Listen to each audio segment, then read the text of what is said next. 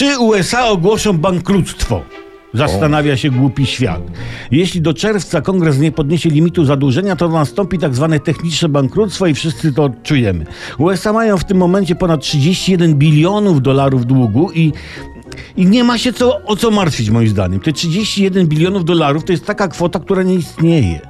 Nie ma tylu pieniędzy na świecie. 5 złotych istnieje, 31 bilionów dolarów nie. A więc ten dług jest niespłacalny. 31 bilionów oznacza tylko tyle, że gdzieś w komputerze jest napisane 31 z ilomaś tam zerami. Gdyby się prezydent Biden włamał do tego kompa i cichcem udziabał, żeby nie powiedzieć inaczej, 2-3 zera z końca i nikt by nie zauważył i nic by się nie stało. Jaka to różnica? 31 bilionów, 500-600 bulionów czy 7 parseków? Hmm. Albo przy tych bilionach długu minus zamienił na plus i miałby wtedy Biden biliony do przodu.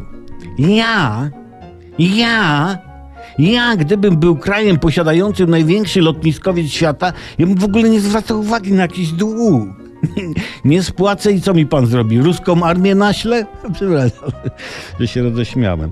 Poza tym, co to za gadanie, że kraj zbankrutuje? Do więzienia za długi pójdzie? No nie. Bankructwo kraju nie jest takie złe. Argentyna bankrutowała już 9 razy w tej najnowszej historii.